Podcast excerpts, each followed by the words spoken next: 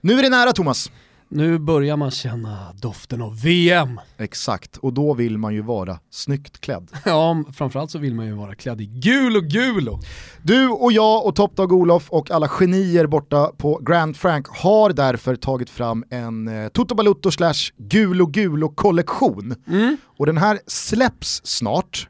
Men om man går in på grandfrank.com snedstreck och signar upp sig då får man infon från Topdog Olof först av alla. När kollektionen snart släpps. Mm, det är ju så, vi har försökt tagit höjd, eh, vi har ju sålt t-shirtar tidigare och de har gått åt ja, men på bara några timmar och så har vi fått göra nya beställningar och så vidare. Vi har försökt tagit höjd men vi tror ju, eller jag är helt säker på att de här kommer ta slut ganska snabbt.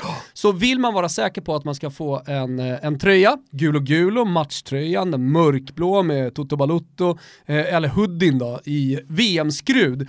Eh, så går man in där, man eh, lägger sin mailadress och kommer Topdog och Olof berätta för er när de här släpps så kommer ni eh, vara först av alla att få reda på det. Vill man ha lite edge på hockey-Sverige, vilket man eh, sannoliken behöver i dessa tider, så gör man med fördel det här, alltså signa upp sig och få infon först. För att annars så kommer de där tröjorna ryckas av alla hockeylirare där ute som Ja, eh, klär sig i Toto Balutto-skruden. Eh, grandfrank.com snedstreck Toto signa upp er så får ni infon först av alla. Nu rullar vi igång introt Kimpa och eh, tar tag i detta sprakande avsnitt.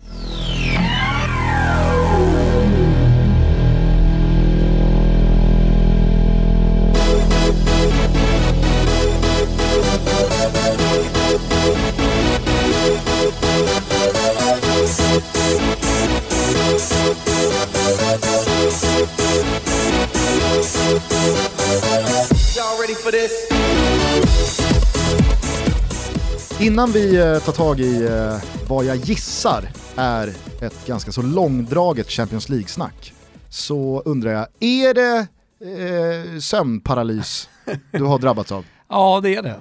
det, är. Jävlar vad det Ja. har rasat in mail. Ja det är otroligt, tack till alla då som, eh, som bryr sig om min hälsa. Jag har ju förstått att det inte är någon fara med sömnparalysen så nu ligger jag där och vickar på tårna, eh, blinkar med ögonen och så vidare. Eh, kombinerat med lite klaustrofobi så är det ju fortfarande jobbigt, jag har svårt att sova på kvällarna. Men, men det här är ju också intressant nu när man får så mycket, också läkare som lyssnar på podden som hör av sig, så, så kanske man kan kolla lite andra sådär problem som man har. Så ni, eh, ni som lyssnar som är läkare, jag har lite såhär, fått lite såhär Nej, vår, nej, vårtor. nej, på, nej, nej, nej, nej, nej. Va? Inga fler, eh, inga fler diagnoser Könet. till mejlet. Inte? Nej. Nej, okej. Min lur har liksom laddat ur av alla mejl kring den här sömnparalysen. så Ah, att, eh, okej. det får De räcka här nu. vårtorna, de... Skit i dem. Ah, okej. Ah. Skit i dem. Det är torsdag förmiddag efter två av de mest minnesvärda Champions League-kvällarna på bra jäkla länge alltså. Wow. Ja, det är otroligt. Eh, Så, så framförallt väldigt mycket känslor och eh, väldigt spridda känslor. Ju prata om det inför de här matcherna, eh, alltså det är alltid någon som blir glad, alltid någon som blir ledsen. Men, men Ska vi lyssna på någon mycket... som blev ledsen? Vadå, har du någon?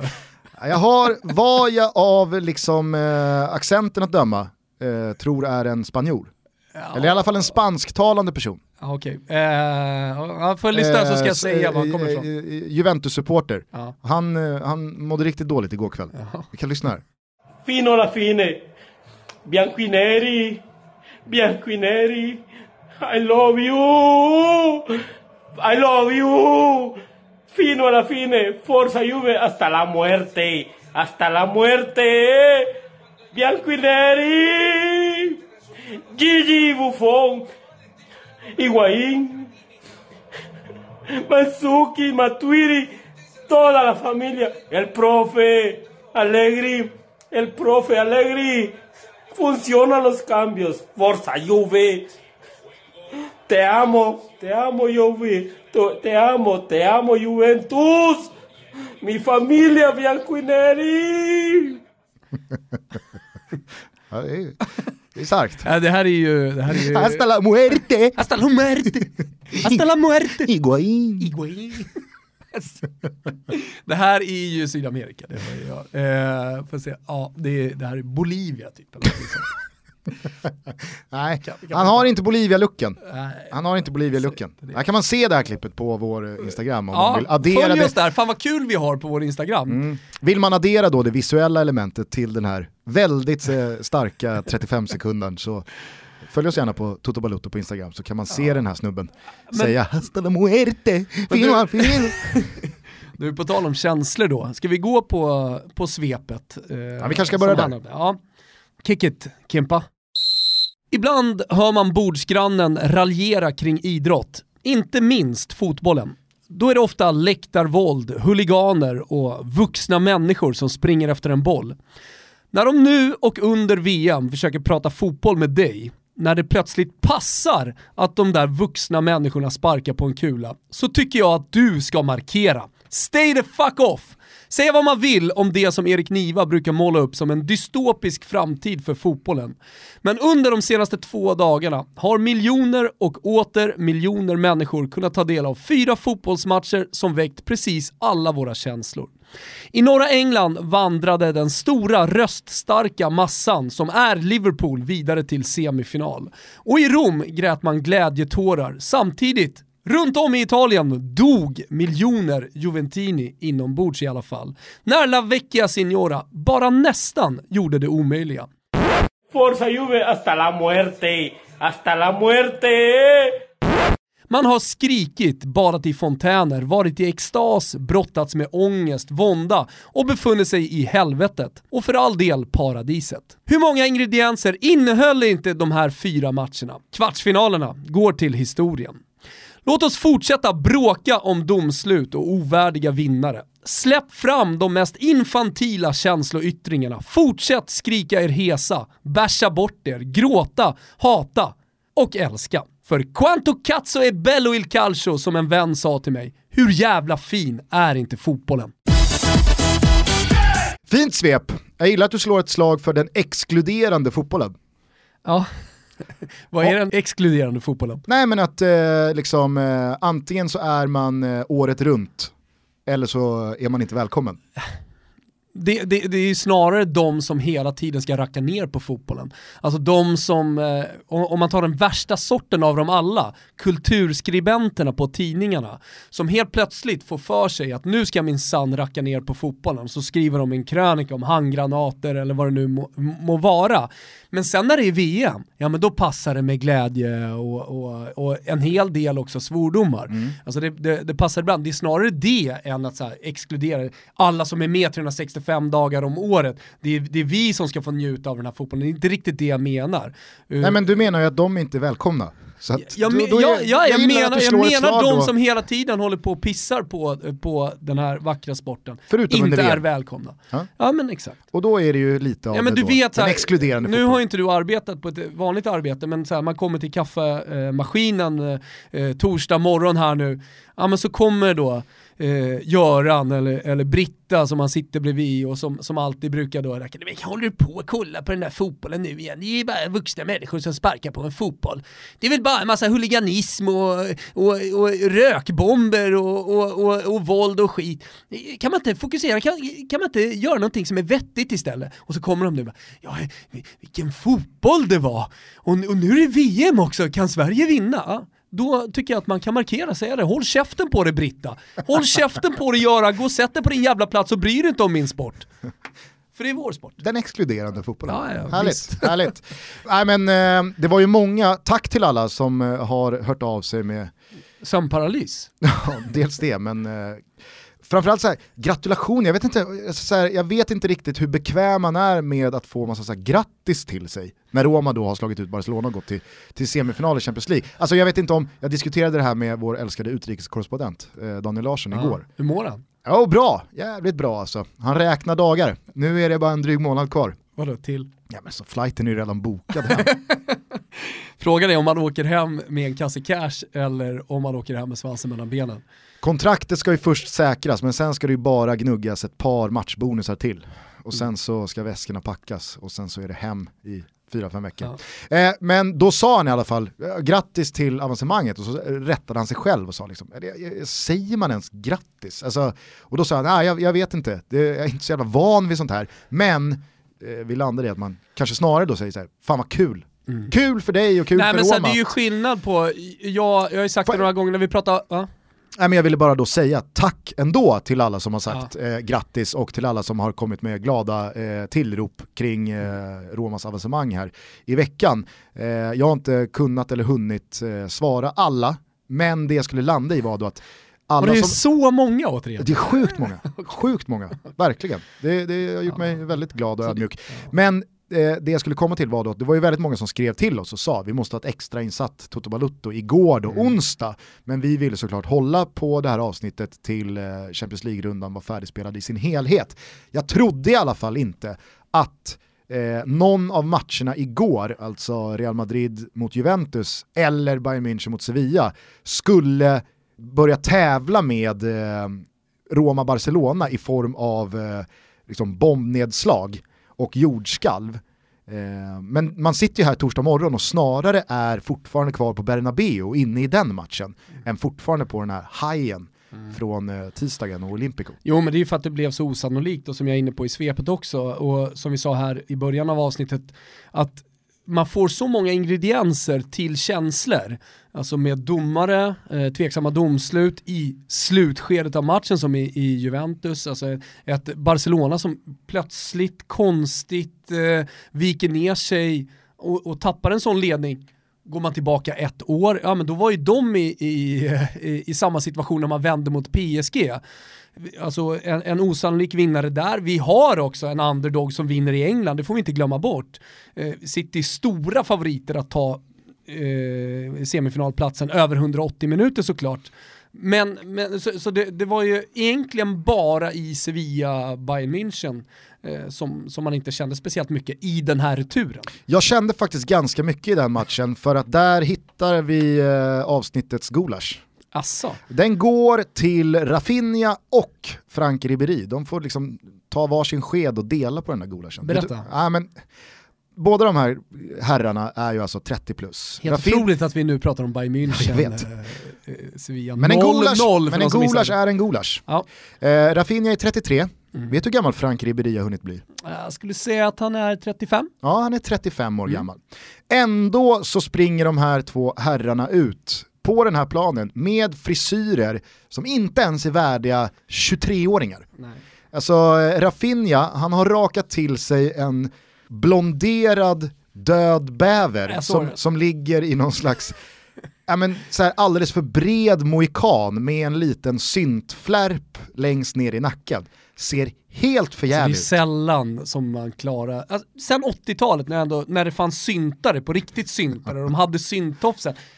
Det flög då, det var grejen då, men synttofsen finns inte längre och den kommer aldrig komma tillbaka. Nej. Och sen just blonderingen på den här alldeles för breda döda bävermohikanen. Alltså det, det, det, spykänsla fick jag. Vad du om Ribéry då? den toppas av Ribéry som 35 år gammal har rakat in en sjua på sidan av huvudet. Jag Men det- spelar i nummer sju. Det är ju dessutom Kolla på, här... kolla på sidan av mitt huvud om ni undrar vilket nummer jag spelar i. Jag är nummer sju. Det är Frank också- Ribéry. Det är dessutom en sån här VM-grej att göra. Eh, Jag vet inte om ni kommer ihåg det, de kroatiska spelarna, framförallt Perisic minns jag, som... eh, Där borde också någon gått in. Ska du verkligen göra det här rödblå schackrutemönstret över huvudet? Jo men så här, är det någon gång man ändå får göra det, så är det ju under ett mästerskap. Mm. Då, är det, då är det på något, något sätt ändå okej. Men en Champions League-kvartsfinal när du spelar i Bayern München, alltså det måste ju Och är finnas 35 någon, år gammal. och det är 35 år gammal, det måste ju finnas någon chef som går in och markerar. Jag kommer ihåg Glenn Strömberg berättade när jag gjorde en intervju med honom, han är på gång till Toto för övrigt, någon gång här i, framtiden. Men jag gjorde en eh, intervju med honom för Expressen och vi pratade om tiden i Atalanta, han hade gjort en fantastisk säsong och eh, Juventus hör av sig och är intresserad av hans tjänster. Han är eh, faktiskt riktigt nära. Men, men då är sportchefen extremt tydlig med att om du kommer till oss, då ryker barret. Annars är det inte aktuellt att eh, skriva kontrakt Glenn. Eh, så, och jag menar så här, jag gillar ju den, den tydligheten. Att i, i vårt lag, då håller man inte på med den här skiten. Så eh, jag tycker liksom att tyskarna får ta sig lite i kragen där. Alltså de, de, de, de eh, bayerska cheferna. Kanske Juventus slår en signal här nu då till Glenn, när barret har, har rykt. Kanske finns det en vice sportchefsroll vakant borta hos eh, La Vecchia Signora. Vad hade Glenn för nummer? Hade inte han också sjuan? Han hade sju. Ja. Det vore ju kul ifall Glenn här nu till semifinalen i Champions League dyker upp på inneplan bredvid Susanne Sjögren med en sjua inrakad Ja. på sidan av, av huvudet. Vänder sig om i profil. Någon som undrar? Nummer sju, Glelle. Glelle S. Sjuan. Det är jag det. Ah, ja, det, var, eh, det var veckans gulasch i alla fall till Rafinha och Visst. Frank Ribi. Väx upp för fan. Gigi Buffon, Higuaín, Manzuki, Matuidi. Toto Balutto är fortsatt väldigt glada över att vara sponsrade av Academic Work. Mycket, mycket glada. Som ni vet vid det här laget, ifall ni lyssnar på alla våra avsnitt, så söker Academic Work nya account managers. Berätta lite om vad det är för typer, Gusten, som de söker.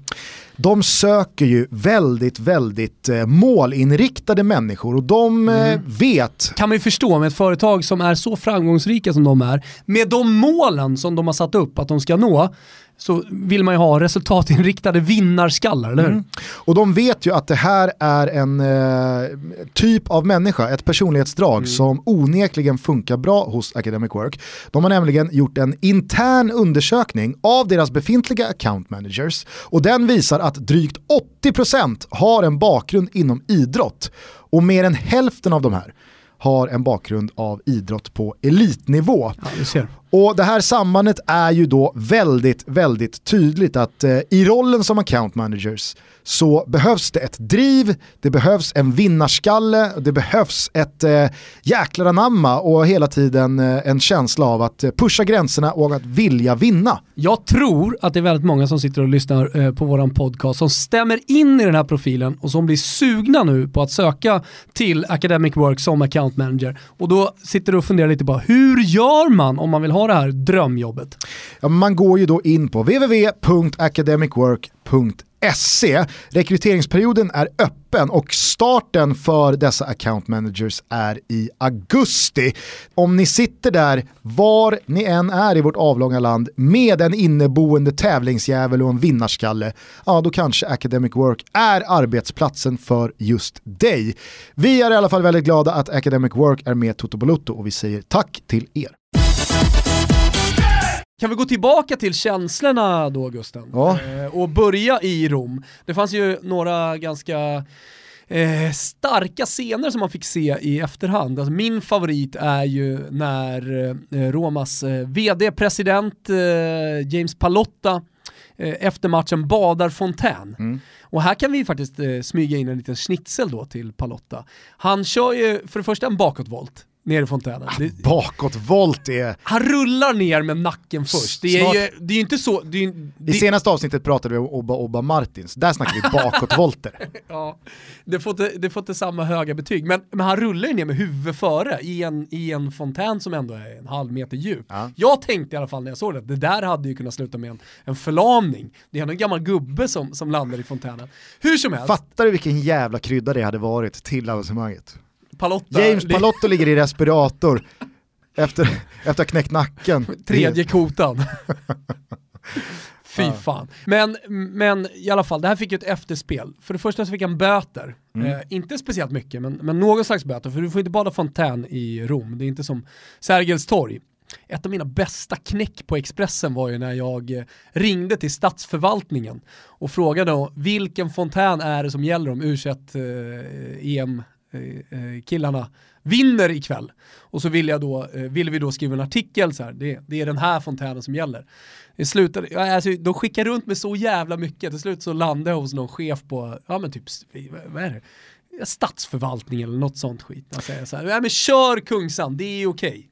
Och så ut med den artikeln. Va, varsågoda. Men sen badade ni ändå vid Sergels torg.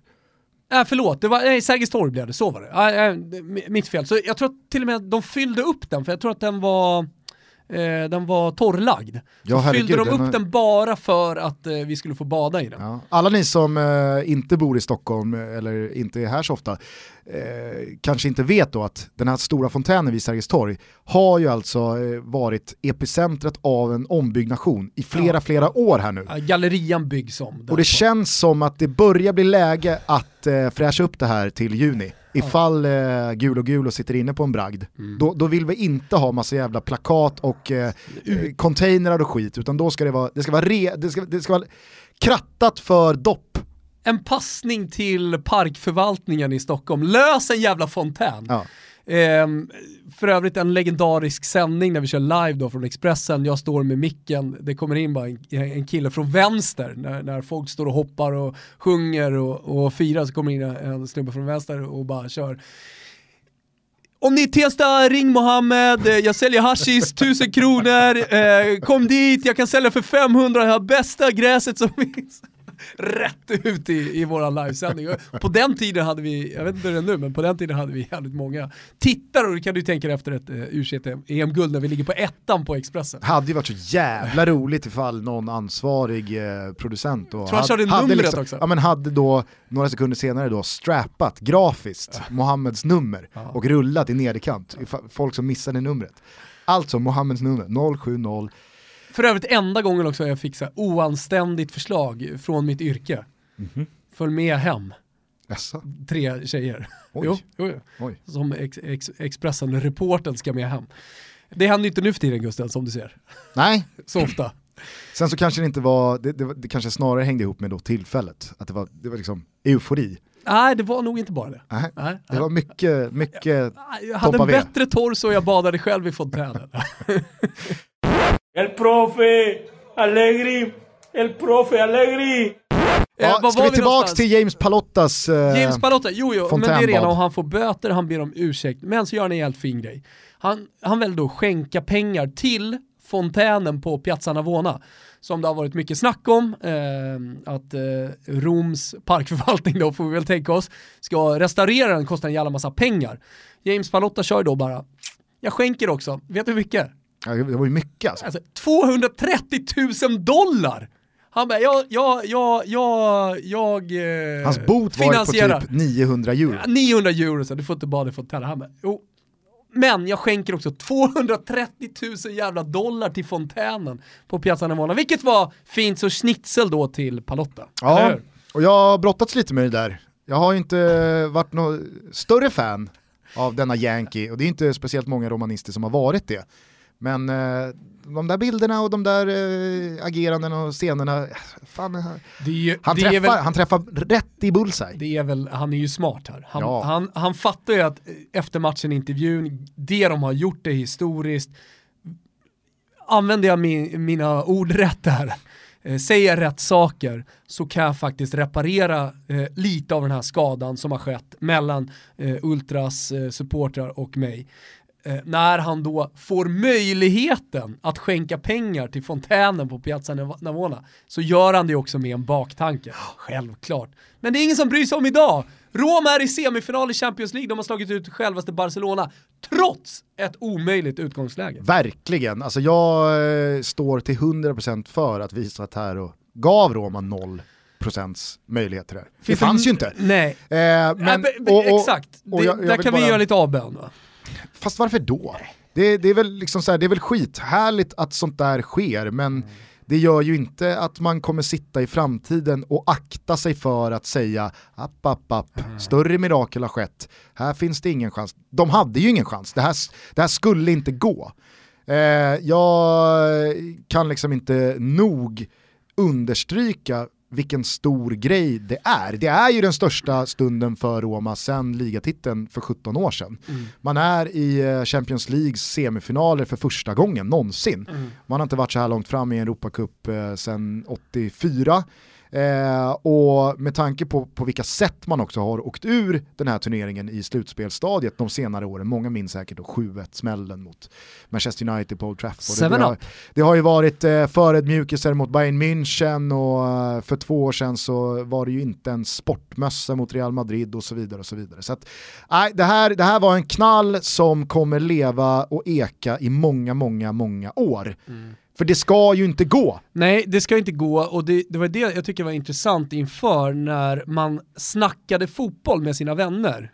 Eh, och då brukar jag, eftersom vi gör den här podden, jag skriver för Expressen eh, och eh, även någon slags röst då som hörs, få frågan, vad tror du? Ja men då, då var det ju så här, är det några som ska vända på det här så är det ju Manchester City. Juve körd, Roma körda. Sevilla körde. Eh, Sevilla körda. Sevilla pratade inte så mycket om egentligen va? Ah, de hamnar lite i, skuggan här, hur fina de än må vara, eh, Sevilla på Ramon Sanchez Pizjuan. Men eh, och sen i slutändan när vi sitter där på torsdagen och, och har landat så är det Juve som var extremt nära på att i alla fall ta det till förlängning. Men ändå, de vänder på steken, leder 3-0. Och Roma, medan eh, Manchester City då i slut... Alltså när, ah, Ah, här får vi ändå brasklappa. Jo, De får ju ett oerhört Jag tungt fattar. mål felaktigt bortdömt. Jag tror ju ändå att eh, Liverpool gör en, ett mål i den andra halvleken. Absolut tungt bortdömt och det, det är klart att det ska vara mål. Men, och, och 2-0 innan paus, det, det gör ju såklart att Manchester City kommer ut i den andra halvleken med vind i seglen samtidigt som då eh, Liverpool blir nojiga. Men, men skitsamma, när jag kollar på det där så står det 5-1. Och det står eh, eh, 6-5 höll jag på att säga, det står väl 7 Va? 6 till eh, Real Madrid. Nej, så 4-3. Ja, ex- Kämpa. jag tänkte lite också på Roma, eh, Barcelona. Ja, okej. Skitsamma, äh, men att de ändå resultatmässigt vinner knappt. Jag är medveten om att det finns nyanser här som gör att ja, eh, City eventuellt då hade kunnat kommit betydligt närmare, men så är det inte. Det var de två matcherna som blev mer historiska. Det är ju knappt att man sitter på torsdagen och tänker på Liverpool-matchen. Nej, nej, verkligen. Det, det är jag helt med dig. Och jag är den första att säga att jag tycker Liverpool går vidare rättvist från det här dubbelmötet. Inget snack om saken. Tveklöst. Men det är ju inget rycka på axlarna mål man får bortdömt i det läget. Det tror jag alla är överens om. Sen kan man prata hur mycket som helst om att van Dijk skulle ha haft någon frispark innan 1-0 målet och att det var andra situationer här och där och det borde varit kort på honom och det borde varit avstängning på den spelaren och så vidare och så vidare. Det tar ju inte bort det faktum att i den isolerade händelsen när eh, Sané gör 2-0 i slutet av första halvlek Ehm, så är det en vågskål som tippar över till Liverpools enorma fördel. Jo men jag tycker att eh, lite självmål blir det där för dig som brukar sitta och säga att så här, när börjar en situation när du diskuterar VAR till exempel.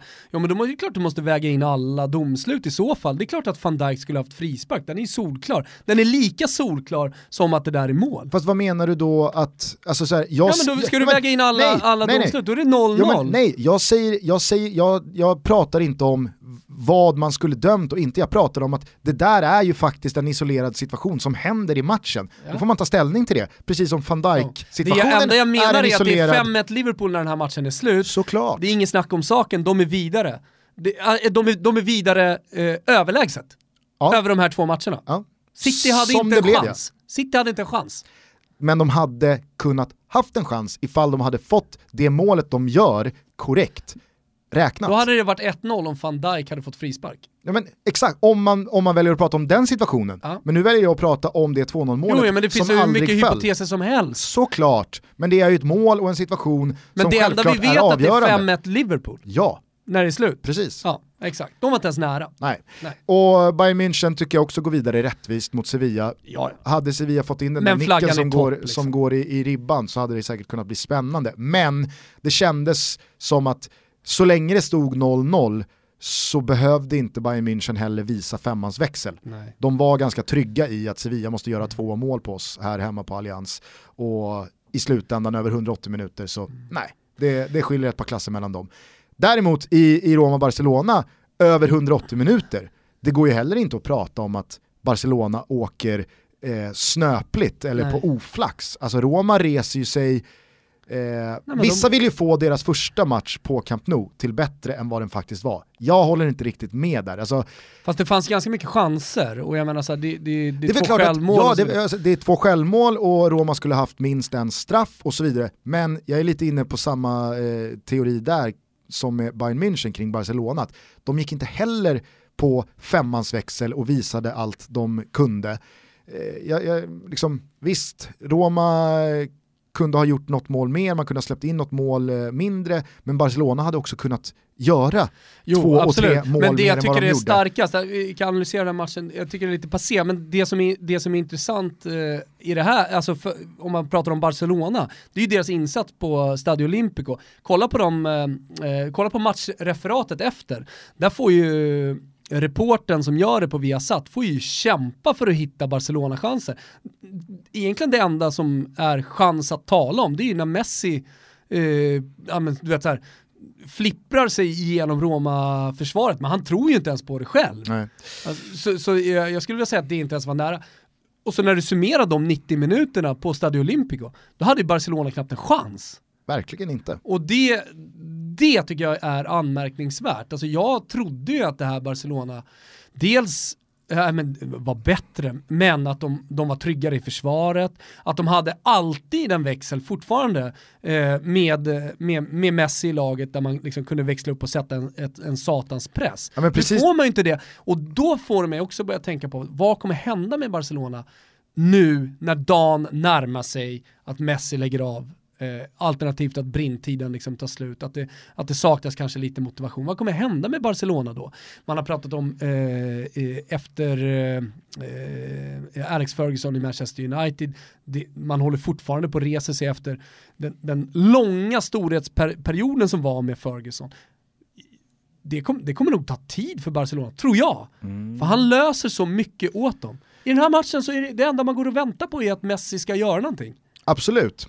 Sen så ska man väl säga att det är mindre än en vecka sedan som han eh, återigen gjorde ett hattrick och liksom var Jo, helt ja, men jag menar fantastisk. så länge, jo, det, och det är det jag menar. Det är alltid han som löser det. Ja, men det finns också en Coutinho där i kulisserna Ain't som, no Messi.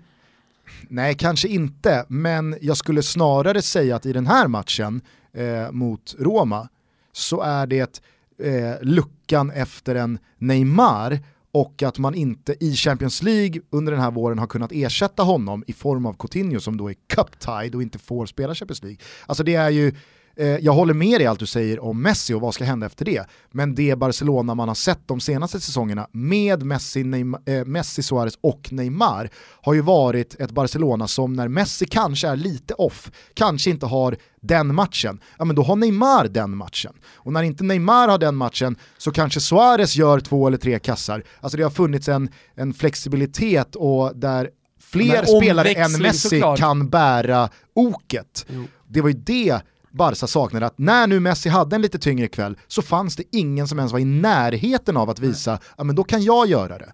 Eh, men jag, jag, jag ska säga det också att eh, isolerat till den här matchen så blev jag förvånad av, precis som du är inne på, att Barcelona inte kunde växla upp när de såg att wow, Roma går för det. Alltså de är här och tror på det. För att jag, jag hade haft full förståelse för att den här matchen hade slutat 0-0. Alltså att Barcelona bara är där för att bevaka, precis som Bayern gjorde mot Sevilla. Men jag är lika jävla tagen av att jag var på Tele2 en gång för några år sedan och det är inte så ofta man har varit med om det, men har du varit, har du varit med om att liksom en, en kurva eller en kortsida verkligen har sjungit in ett mål? Vad tror du? Ja, det tror jag. Och då kanske du har då ett exempel, vad vet jag. Ja. Men det Flera. skedde i alla fall på Tele2 en gång när jag var och såg Djurgården mot Helsingborg. Djurgården ligger under och så, jag kommer inte ihåg om de kör kämpa Djurgården, jag tror att det är den här växelramsan, kämpa Djurgården, kämpa och så vidare. Och den, den stegrar och stegrar och stegrar i decibel och till slut så är det sånt jävla tryck där inne att man, man bara vet att nu kommer Djurgården göra mål. Och mycket riktigt 20-30 sekunder senare så är Helsingborg nedtryckta i eget straffområde och på något jävla sätt så letar sig den där bollen in. Och alla liksom unisont känner att det där var ramsa, alltså det, där, där sjöngs det in en, eh, en kasse. Och exakt samma sak pratar ju Daniele De Rossi om efter den här matchen. Att det var eh, kurvan och läktarna som fick oss att tro på det här. För att om de tror på det, då kan fan vi också tro på det. Och jag är helt övertygad om att hade det inte varit ett utspikat Olympico, hade det inte varit liksom maxvolym på Roma, Roma, Roma och ett jävla drag från början och en tro från läktarna och kurvan så hade inte Roma gått ut och rivstartat och gjort 1-0 efter 4, 5, 6 minuter och fått den där starten man behövde. Så att det var häftigt att se att den här vändningen är liksom, det är Att supportrarnas Ja, man förtjänst. gör den gemensamt ja. ja. Eh, jag vet inte om man kan prata om samma, eh, vad ska jag säga, att man, man sjunger in mål eh, i eh, Madrid. Men, men eh, man kan i alla fall prata om vikten att få ett tidigt mål när det är så många mål man ska göra och få ett flow i matchen. Eh, alltså att man kände ju på Juventus-spelarna efter det mål, efter det mål, man hinner ju knappt starta matchen, att här tror de på det, det här kommer gå. Och det är ju tack vare det. Eh, att göra tre mål på Bernabéu, krä- jag skulle säga att det krävs ett mål innan tio. Typ. Ja, ja, verkligen. Ja, och, och man får allting rätt. Precis som eh, egentligen Real Madrid fick eh, på eh, Juventus Stadium, Mm. som numera är Allianz Stadium. Nej, I Champions League så tror jag faktiskt den heter Juventus Ja, den Stadium. får inte. Ja. Funcionan los cambios. Forza Juve. Och det är häftigt att se hur eh, det här kan svänga av mål, av en tro från supporten, att man hör liksom att det börjar faktiskt byggas upp någonting här. Och jag är helt övertygad om att hade det varit lite skoskav från läktarna, ett Roma som vet att det är Barcelona på andra sidan, där finns Messi, herregud, det är tre mål det handlar om. Alltså hade det bara fått leva i 10 minuter, 15 minuter, då slutar den här matchen 0-0 eller 1-1 eller 1-0 till Barca och det är bara helt dött. Men när liksom 80 000 mobiliserar och visar att fan vi tror på det, det minsta ni kan göra här är att visa oss respekt och tro på det ni också. Äh, det var så jävla häftigt. Och ännu häftigare är ju att det här manuset skrivs så att det är Daniele De Rossi och Kostas Manolas som gör tvåan och trean. Det ska ju inte finnas, för er som inte då förstår vad jag åsyftar så är det att det var de två spelarna som gjorde varsitt självmål på Camp Nou i första matchen. Alltså det, det är ju helt sjukt att det är de två som gör tvåan och trean och löser avancemanget. Nej, det finns inte. Så jävla mäktigt alltså. Det var... Nej, Och det- är det någon man unnar det här, eh, även som neutral supporter såklart eh, känslomässigt eh, i, i den här matchen, så är det ju Daniele De Rossi. Kanske på väg, eller redan gjort något som Totti aldrig har gjort, det vill säga spela i Champions League-semifinal. Säg att de skulle gå hela vägen hypotetiskt, eh, så, så blir ju liksom det här eh, Capitano Futuro, framtida kaptenen, ja men det får någonting ändå.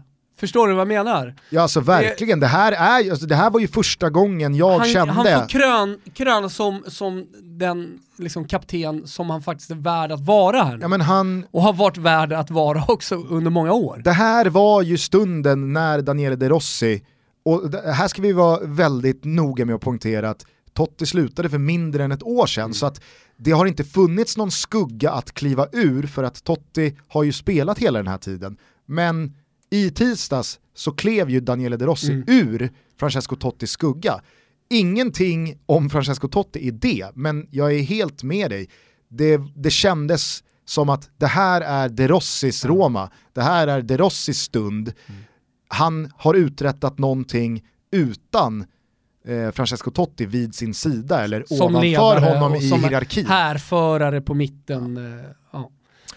Eh, samtidigt så tror jag inte att eh, liksom Totti känner någon slags eh, Nej, det har inget med det. Absolut inte. bitterhet Men, över men det här. du, om, om vi tar oss då till Men det var ju Madrid. kul, får jag bara innan Ja. du går till Madrid igen, eh, det var ju kul att Totti var på plats med då Antonio Cassano. Så var det någon som skrev då på Twitter och la ut bilden på dem att när de här två är tillsammans så sker mirakel.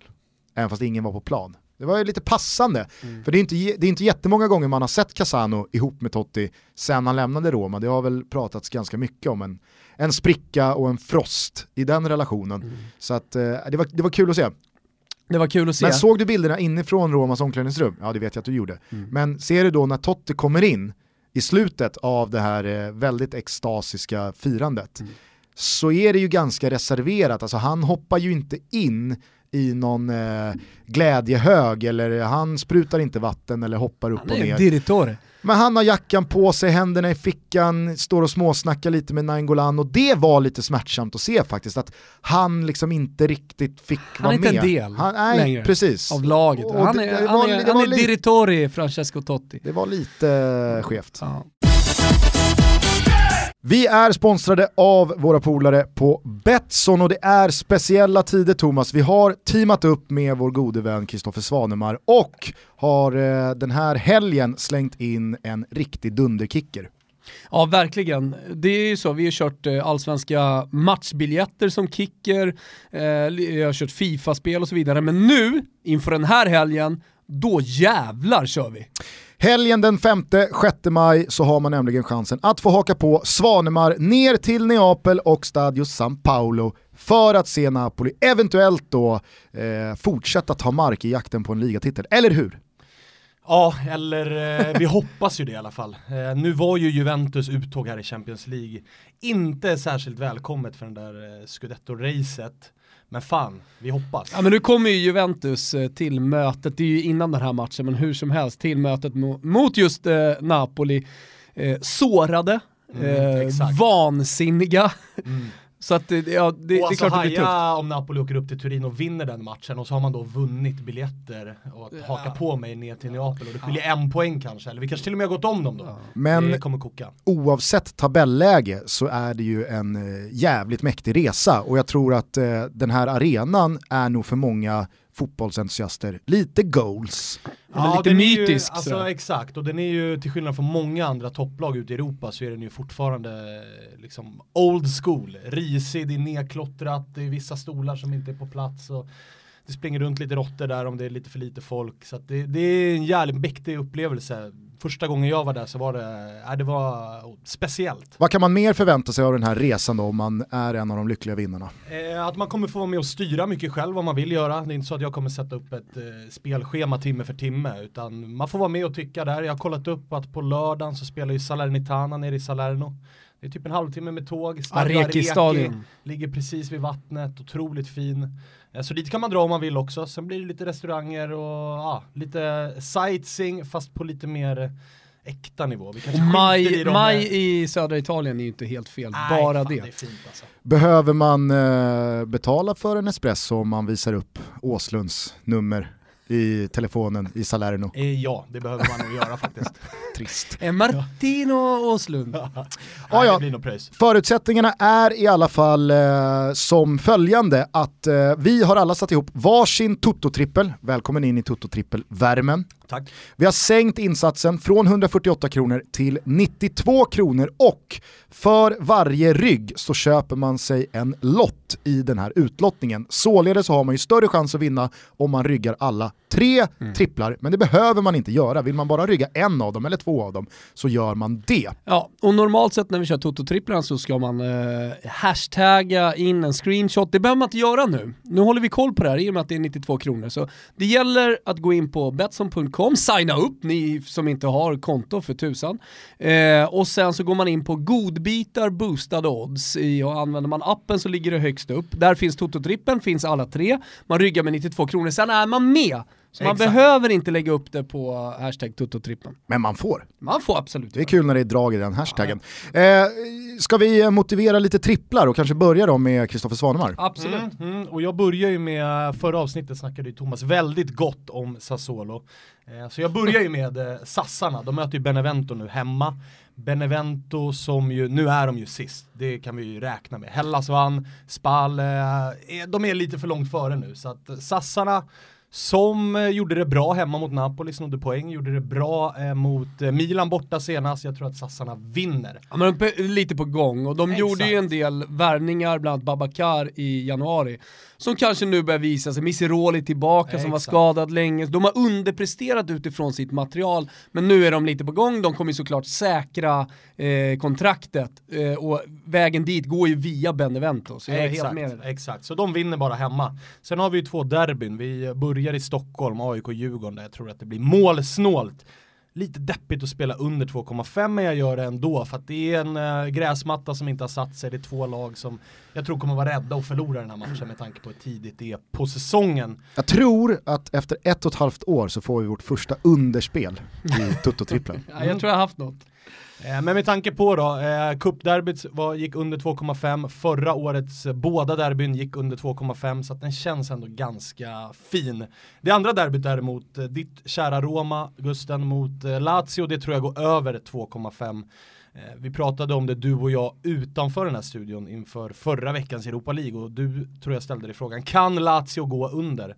Och det är fan tveksamt om de kan. 2-1 mot Udine i helgen innan dess eh, 4-2 då mot Ja, eh, det var en av de sjukaste, 6-2 mot ja, Benevento. ja men det var en av de sjukaste matcherna eh, rent tempomässigt som jag sett. Eh, Kommentatorn, jag kollade på italiensk tv, kommentatorn, han var helt, han bara, han bara gormade, det gick inte att göra någonting annat. De pressa och pressa och pressa och Inzaghi han bara pumpa, pumpa, pumpa på sina spelare. Ja exakt, nu spelar ju Lazio ikväll i Europa League så att Mm. skulle Immobile och Milinkovic och Alberto bryta benet alla tre så är den ju svettig att jobba in den här. Men fan, de har så många fina offensiva spelare. Och Roma går ju på mål just nu. Mm. Båda står på samma poäng, båda måste vinna, Inter jagar, så att jag tror att det blir ett kul derby della Capitale. Ja, och det är ju inte bara Champions League-platser man spelar för i Lazio-ledet. Alltså efter torsken i det omvända derbyt i vintras så räcker ju inte ett kryss heller för heden Nej, och för precis. supportrarna utan Precis. eh, man ska slå Roma. Sen står ju en Champions League-plats på spel, jag menar det betyder hur mycket som helst. Dessutom, vi är sent på säsongen. Fin Ja, match. det finns mycket som talar för att båda lagen kommer anfalla här. Tror att båda fick in det i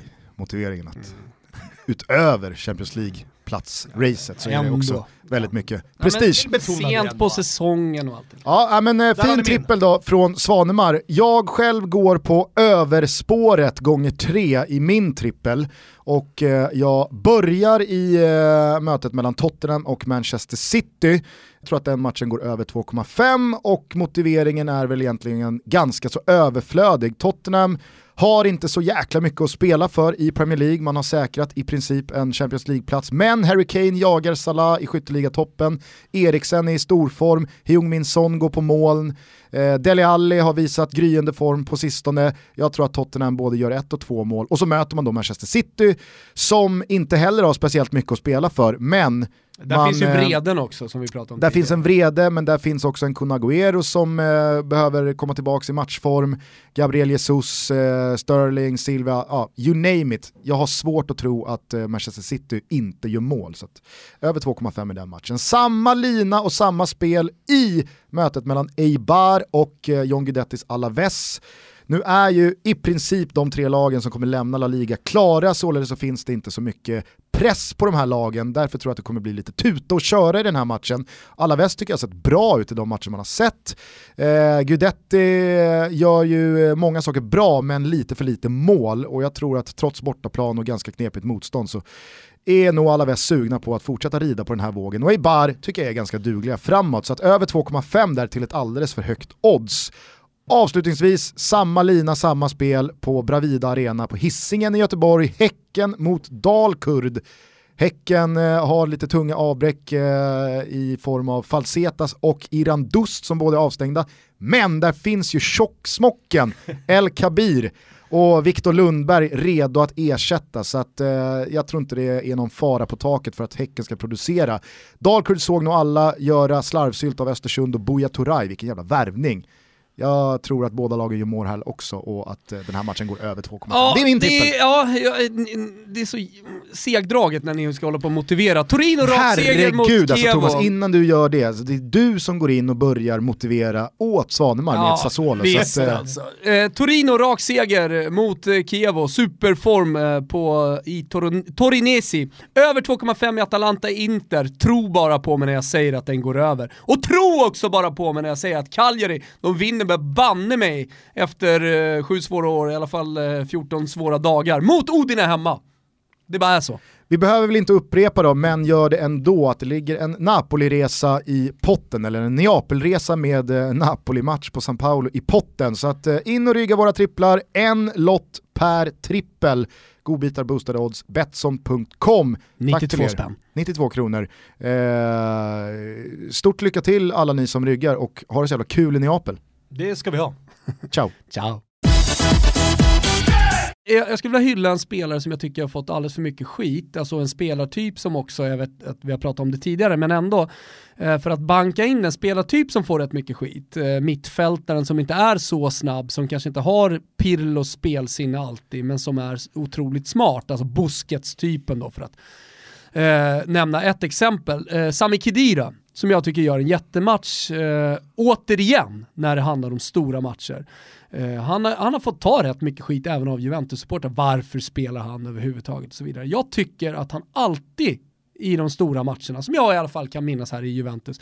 Fan gör en, en superprestation. Jag tycker att han är grym här eh, och dominerar mittfältet tillsammans med spelgeniet då, eh, Pjanic och Matuidi som eh, löper, löper, löper, löper och löper. Mm. Alltså jag eh, om man kollar bara på pappret, så här, Sami Khedira, vadå? Är inte han slut? Eh, Matuidi, äh, det är ingen man vinner Champions League med. Eh, Pjanic, håller han verkligen på den här stora nivån? Alltså ska du vara ett geni, då måste du vara geni ut i, i tåspetsarna, även när det gäller som mest. Ja, fan det håller. Det, det bevisade de i den här matchen. Och, eh, det säger också någonting om Allegris coaching första matchen kanske också. Eh, men, men, men de tre tillsammans tycker jag kompletterar varandra jävligt bra och gör en supermatch. Det ska man inte glömma bort här när, när, när det kanske är då Cristiano Ronaldo som man ändå landar i. D-goal i första matchen, nicken ner till Vasquez som kommer fri, hänget som man har vi kan prata om domarsituationen hur, hur mycket som helst, men, men alltså jag tycker ändå att det är värt också en hyllning till Cristiano Ronaldo som med 30 sekunder kvar är där och är avgörande igen. Han vinner nickduellen, men det, det är en svår nickduell att vinna. Och då har du inte ens nämnt straffen han sen skickar upp i klykan. I, eh, exakt, helt iskall, det här klassiska som jag alltid kommer ta med mig, vi pratar om D-goal, det finns ju alltid situationer, det finns alltid ansiktsuttryck, eh, kanske ett rörelsemönster som man kommer minnas en spelare för. Jag kommer alltid minnas Cristiano Ronaldo för den här han bara andas ut en gång och så kliver han fram och sätter den. Mm. Det är inte bara den här gången. Eh, sen är det ju någonting med de här musklerna alltså, som får eh, liksom, eh, alptoppen också att rycka lite. Jag läste så jävla rolig tweet igår. Det var någon som hade skrivit så här. Varje gång Cristiano Ronaldo drar tröjan efter ett mål så tänker man jag måste börja skärpa till mig. Jag måste Alltså det sjuka är... det- Hela det- vägen fram till fredagen, sen har man glömt det. Har vi en vass kamp i oss eller? Ah, Kanske, jag vet inte. Nej, vi får fundera. Men jag tycker inte den ska accentueras av Cristiano Ronaldo. Det är fel, Eller- det är fel, eller- det är fel höjd på den ribban. Jag gillar att ta höjden. Ja. Nej, men jag vill hellre då, liksom, kanske då, ja, men, se eh, vad vet jag, en allsvensk, Mustafa El Kabir dra av sig tröjan. Men, eh, du eh, lyfter Sami Khedira med all rätta tycker jag. Jag tycker också att han är en underskattad spelare men som också är en spelare som brukar kliva fram i de stora matcherna. En spelare jag i Juventus skulle vilja lyfta också och som jag tycker gör en helt fantastisk vår och som kanske understryker allra bäst vad det är för jävla maxat landslag de sitter inne på. Det är ju Douglas Costa. Helvete vad bra jag tycker han är, han har varit de senaste månaderna. Men också vad han ringar in hur bra Brasilien är. Alltså vad kommer de med för lag i sommar? När Douglas Costa är så här, ja, nej, nej, Nej, han får inte plats. Eh, jag skulle säga så här, driv med bollen. Där har vi Messi, alltså vid fötterna sådär verkligen. Vi har Messi, den sitter klistrad. Eh, vi har Musala som, eh, om, om Liverpool lyckas här, faktiskt går mot en slags, ja, kanske till och med Guldbollen. Ballon d'Or. Och sen tycker jag fan Douglas Costa är där uppe. Alltså sättet han driver runt eh, Real Madrid-spelaren, han tar ju löpningen från högersida mittplan ner till hörnflagga, eh, vänstersida. Mm. På ett sinnessjukt sätt. Sen kanske det inte går lika fort, men Isco har, har ju också ganska han, bra... han har ju ett ganska bra bollkontroll. flow. Ja, ja, ja, totalt sett. Men jag, jag, det jag menar är den här äh, extrema speeden. Ja, ja. Och äh, han har den också från stillastående lite grann. Han kan Alltså bara det- peta den förbi. Det finns ju snabba spelare Ja. som inte hinner med Douglas Costa när han driver boll. Igår, jättebra eh, match att ha som exempel. Så man, om, man, om, om, om man kollar liksom på alla hans maxlöpningar från noll egentligen, så jag vet inte hur många det är, men, men det borde vara något slags rekord. Också om man eh, lägger med ekvationen att lyckas i slutändan med, med det han gör. Mm. Det är alltid någon som får en tå på bollen så, inte igår.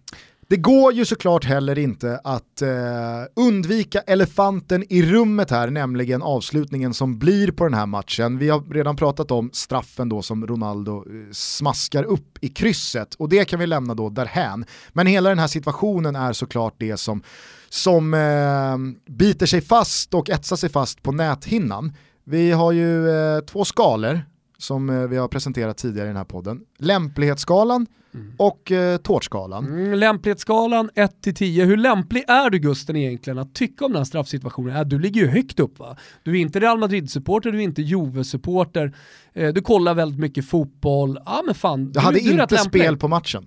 Du hade inte spel på matchen. Ja men du ser, du hamnar ju på en åtta här, någonting. Det är din fotbollskunskap som sviktar lite för att hamna ännu högre upp. Nej, Men- Det jag skulle säga är liksom, den, den, kanske mest då relevanta, eh, det, det mest relevanta motbudet, det är ju att jag är Roma-supporter och jag kanske inte unnar Ah, ja. Juventus jättemycket framgång. Det det. ska, ju ha, det ska ju vara transparent med. Mm.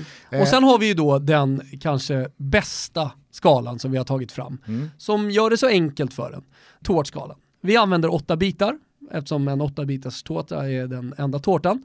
Eh, och eh, hur många domare hade blåst? Alltså skit i vad du tycker eller någon annan tycker. Hur många, hur många domare tror vi hade blåst straff här? Och då finns det ju väldigt många saker, eller många saker, men det finns ju en del grejer just i det här specifika fallet att väga in. Matchklockan, hur många domare har pungkulorna att faktiskt ta det domslutet att blåsa straff? Oavsett vad man tycker. Och det beror ju också såklart då på eh, resultat. Alltså jag menar, är matchen död, ja men då spelar det ingen roll att eh, matchminuten är 93. För, ja, då kan man väl ta straffen, det, det gör inte så mycket då. Eh, vad är det för tryck på läktaren? Vad är det för eh, dignitet på matchen? Vad betyder den?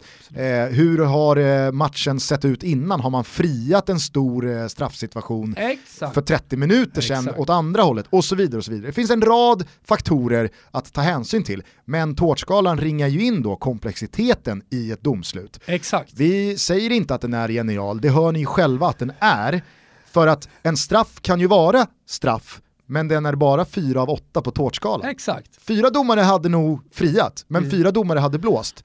Och jag, jag, jag växlar lite här. Jag vet att du är inne på att fem av åtta ungefär hade Ja. blåst. Jag är inne på att kanske två, tre av åtta, just för att det är så prekär situation. Vi har haft den matchbilden vi har haft, det är 3-0. Inget lag kommer vinna den här matchen i slut och den kommer gå till förlängning. Så det kommer rulla på.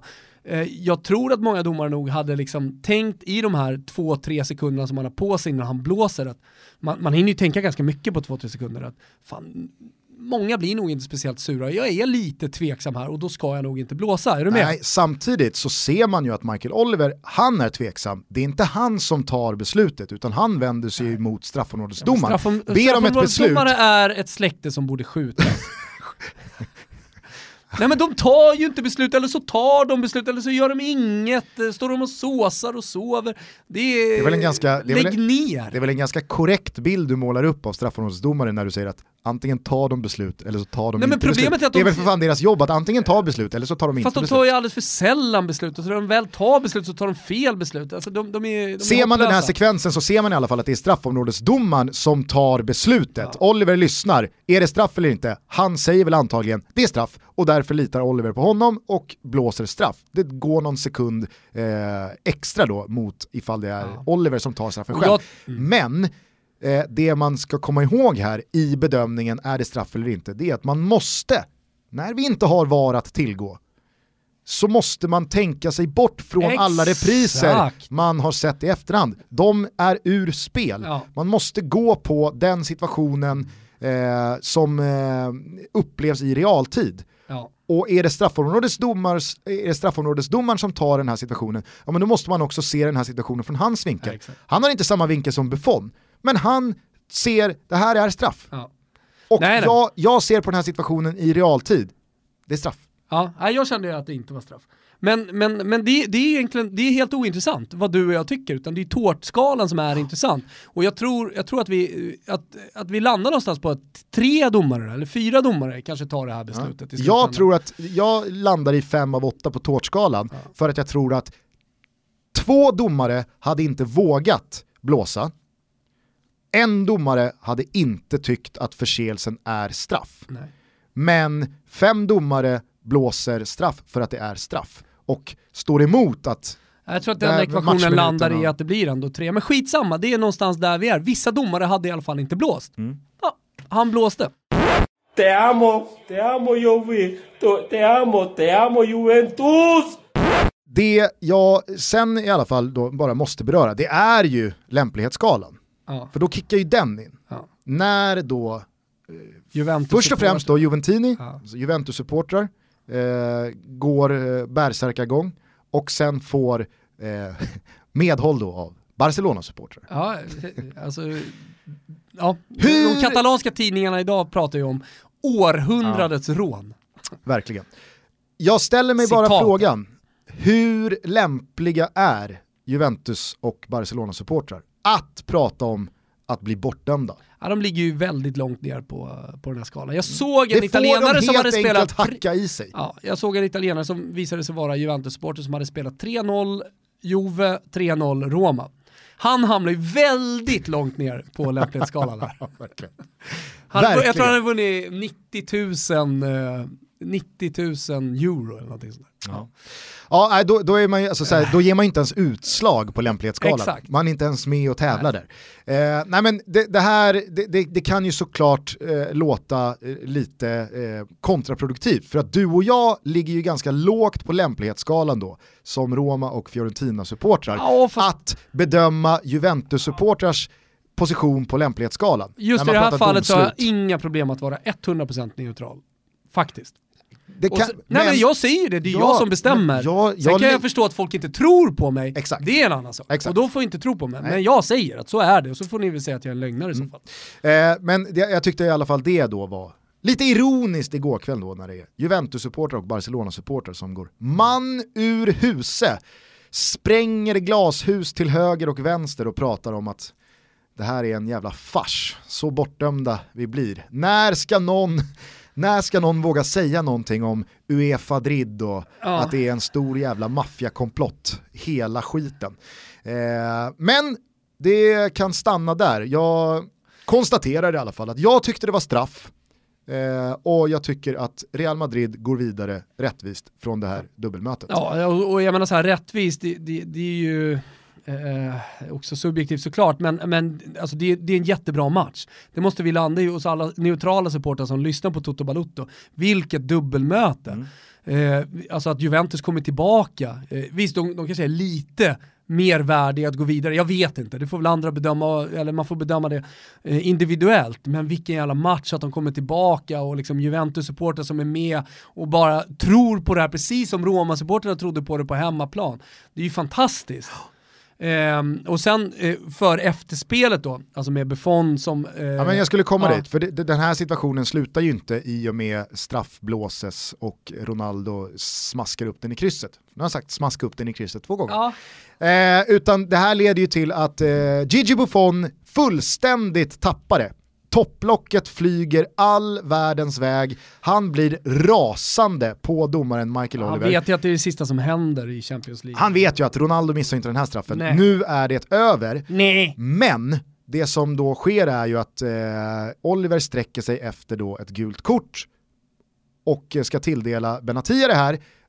Buffon tar då tag i Michael Olivers hand och liksom sliter ner den igen och är ju ruskigt aggressiv i sin attityd. Och sen så kan man prata om att det är Gigi Buffon, man kan prata om att han är lagkapten och borde få prata. Men alltså, Jag kommer ihåg- jag kommer- herregud. jag kommer det, där, det där är ett beteende som nio av tio gånger ger rött kort. Det är inte, det är Där inte är vi och touchar att på om. åtta, åtta tårtbitar, oavsett om det är Buffon eller inte. Jag kommer ihåg när Borja Valero fick rött kort för att han petade på domaren. Ja. Eh, och då var han lagkapten. Cristiano Ronaldo, han eh, fick fem matchers avstängning i Spanien efter att ha gjort samma sak eh, tidigt på den här säsongen. Mm.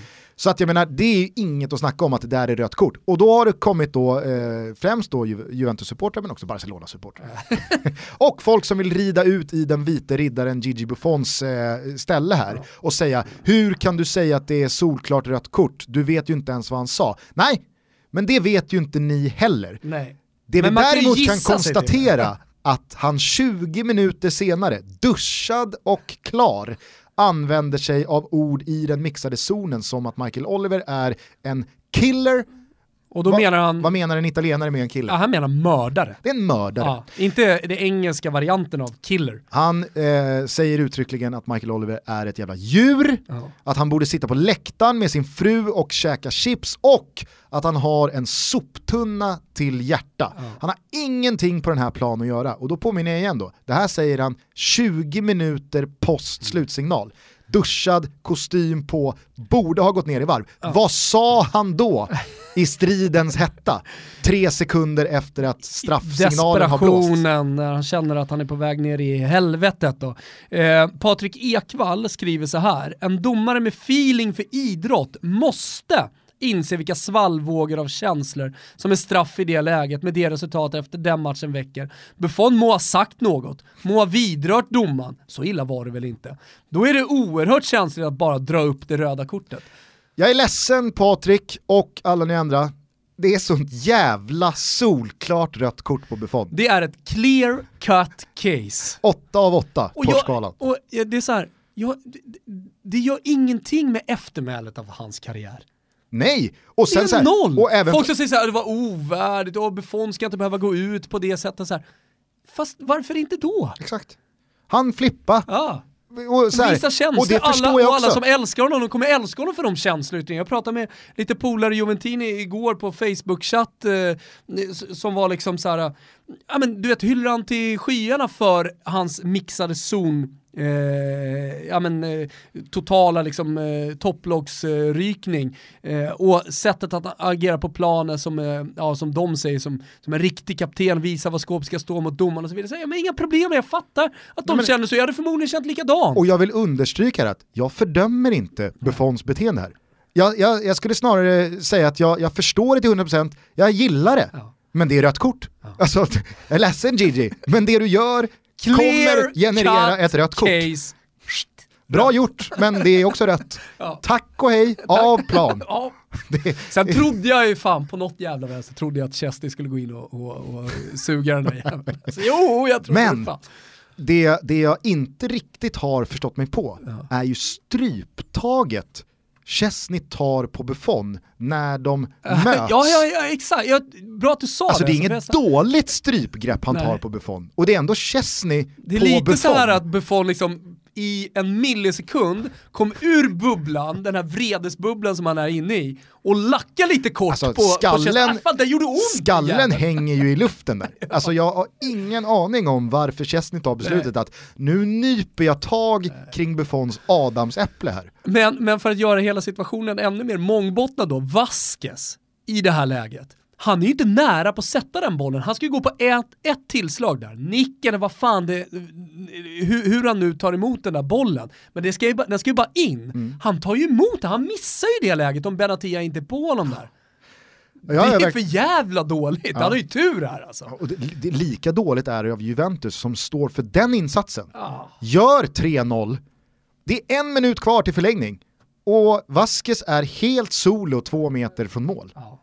Alltså, de, jag är ledsen. Det får ju inte hända. Kon, alltså så här, vi kan diskutera hur mycket kontakt det var, Det hur mycket höst- förstärkte Vasquez eller inte. Men du ger honom Ja. chansen Och att det är gå ett ner. höstlöv till Cristiano Ronaldo. Du hinner för fan, du hinner väl dit till Vasquez, gör du inte det? Jo men är det någonting eh, alltså, vi fick på display här så är det att små ytterbackar, de, de måste börja förstå att man kan, liksom här, man kan inte spela huvudspel som man gör. Kolla Carvajal mot Mandzukic. Liksom, nästan lite löjligt Ja. att se den nickduellen. Ja. För, alltså, försöker Dani Carvajal på riktigt gå upp mot Mandzukic där? Det är, det är, Det är som att- kattens lek med råttan. ja, det är som att ta en klubba från ett litet dagisbarn. Men vi måste bara beröra De Chilio. Han åker alltså på, Jag läste Gazettan idag. på pannben. Vi ska säga det, alltså det här är eh, Juventus ytterback som blir utbytt efter En kvart. 14 minuter. Ja.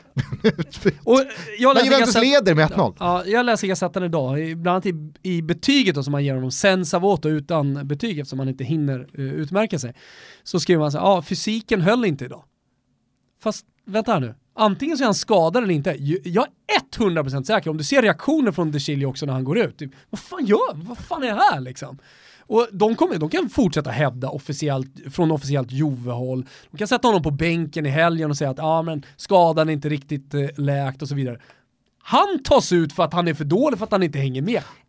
100 procent. Och alltså så här, det förstärks ju ännu mer att det är ett rakt byte mot en annan högerback, alltså Lichsteiner. Alltså det hade varit en sak om det får inte säga så här, nej fan, nu, det, det har bara gått 18 minuter, men vi måste Jo, men göra kan ju hävda målen. att det är skada, är du med? Så Jo, gör man jo. det raka bytet. Eller det hade ju också varit förmildrande omständigheter ifall du plockade Chili och det står 0-0, det har bara Då gått du hävda 18 att det är minuter och så byter du in en anfallare eller en offensiv mittfältare. Men här är det bara högerback ut, högerback in. Ja, då är det antingen skada eller så inte det. Han såg ju inte hämmad ut på planen heller. Nej. Nej, nej, nej.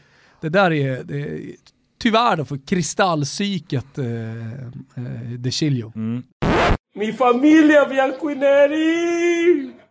Ja, ja, ska vi stänga kvartsfinalerna i och med det? Semifinalerna lottas på fredag. Jag gnuggar ju Liverpool-lotten så det bara sjunger om det. Samtidigt vet jag att du som ska, bra. du ska ju till Kiev Ja. och gnuggar final mellan Roma och Liverpool. Men, Ja, men det, det det ska, varit väl, ska väl mycket till. Det hade För varit att det ska eh, ske. i alla fall supportermässigt och sångmässigt häftigt. Ja, Jag har ju redan upplevt två finaler med Real Madrid dessutom. Och så är det kvartsfinaler, avgörande sådana, i kväll torsdag i Europa League. Så att de lottas väl också då, eh, Mm. fredag strax efter. Det brukar alltid vara en liten deppigare sändning när det är så här. Så nu är det Europa League också.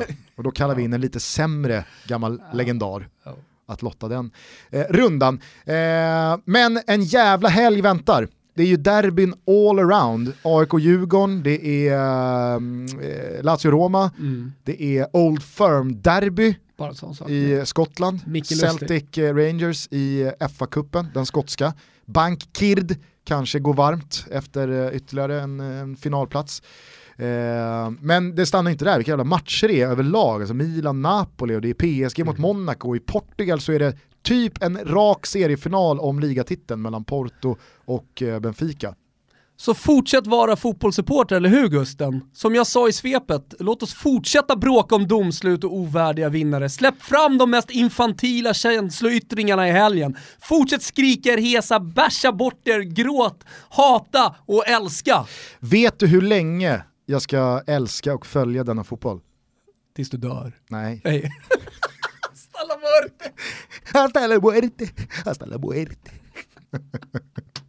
Hörni, det här var Toto Balutto. Missa inte vår eh, kollektion, grandfrank.com slash totobalutto. In och signa upp er så är ni först att få reda på när tröjorna släpps hörni. Vi kommer med en VM-podd snart. Vi kommer att bjuda in er till vårt vardagsrum på Stureplan när det är VM. Massa härliga grejer. Eh, fortsätt följa oss, berätta om oss för era vänner, nära och kära. Dessutom så är inte bara Jonas Dahlqvist utan även Öskan Melke Michel och Jo. Johan Arnäng på väg in i Toto Balutto-studion. Älskar dig Johan. Hörni, eh, nu tycker jag att ni har en riktigt trevlig jävla helg. Jag ska pipa i- iväg till Göteborg. Vad ska du själv göra? Eh, jag ska bärsa bort mig. Ciao tutti! Ciao tutti. Dimmi cos'è che ci fa sentire amici anche se non ci conosciamo. Dimmi cos'è che ci fa sentire uniti anche se siamo lontani. Dimmi cos'è, cos'è che batte forte, forte, forte in fondo al cuore, che ci toglie il respiro e ci parla d'amore.